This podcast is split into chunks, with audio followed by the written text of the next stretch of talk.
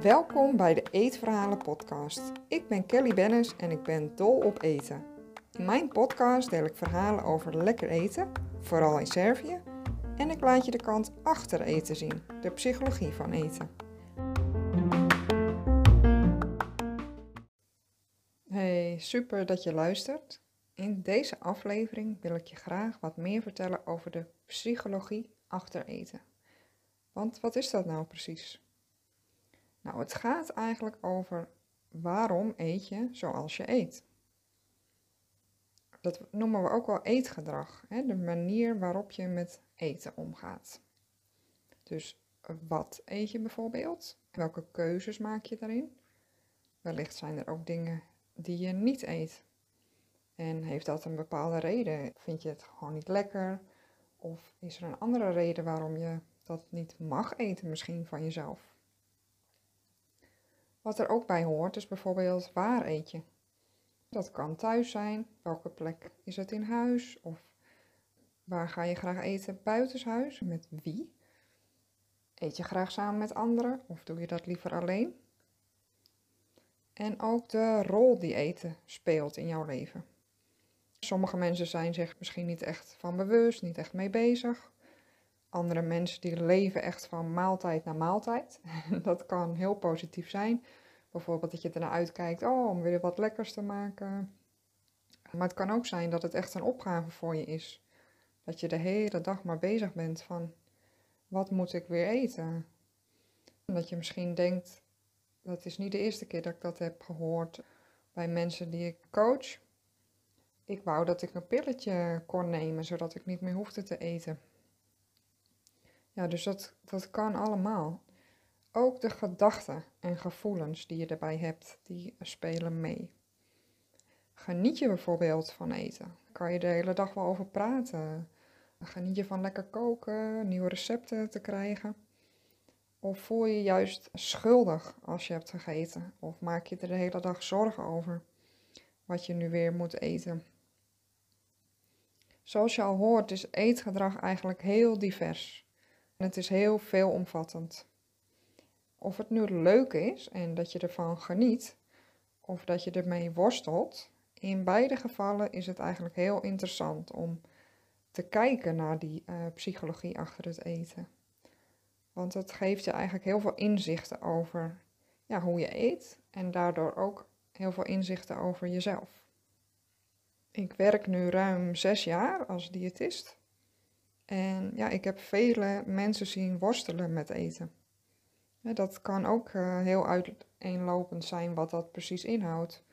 De ene is bezig met uh, al jaren lijnen, niet tevreden over zijn of haar lichaam. En dat kan zich uiten in bijvoorbeeld elke keer weer een nieuw dieet proberen. Of uh, elke dag wegen, gewicht in de gaten houden, daar heel veel focus op.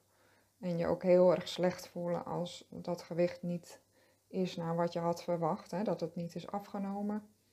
Het kan resulteren in emotie eten of eetbuien, de hele dag door snoepen, snacken en dat je eigenlijk niet weet hoe je daarmee moet stoppen, hoe je dat kunt doorbreken. Bij andere mensen uit het weer in steeds minder eten, maaltijden overslaan. Steeds minder dingen mogen eten van zichzelf. En ja, dieet blijkt niet de oplossing daarbij of de focus op afvallen. Er zit altijd iets achter dat eten. Ik heb toen besloten, ik kwam daar al vrij snel achter, uh, toen ik ging werken als diëtist, dat het dieet niet de oplossing was en dat ik wilde kijken, maar wat zit er dan achter en hoe kan ik daarbij bij helpen. Toen heb ik besloten om mij te specialiseren als diëtist dat is onder andere cognitieve gedragstherapie geweest en eetproblemen en eetstoornissen. En ik begrijp jou. Ik begrijp waar je mee worstelt. En niets is gek. En je bent ook niet alleen. Dat is ook belangrijk om te weten. Er zijn echt vele mannen en vrouwen die worstelen met eten. Het is des te moeilijker als niemand hiervan af weet, want dat komt heel vaak voor dat mensen het voor de eerste keer aan mij vertellen. En dat ze zo opgelucht zijn dat ze er eindelijk over kunnen praten, dat ze hun verhaal kwijt kunnen. Cognitieve gedragstherapie is een uh, methode die ingaat op je gevoelens en je gedachten. Welke gevoelens en gedachten heb je over eten? Want als je dat in kaart brengt voor jezelf, dan wordt het helder waar jouw eetgedrag, hè, dus de manier waarop je met eten omgaat, waar dat vandaan komt. En dan komt er eindelijk weer ruimte vrij in je hoofd. En dat betekent ook dat er ruimte vrij komt voor oplossingen. En zodat je weer kunt eten zonder stress en zonder schuldgevoelens.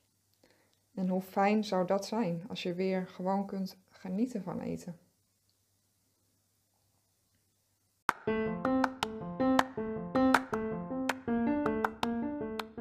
Vond je het leuk om hier naar te luisteren? Of denk je dat het interessant is voor iemand anders?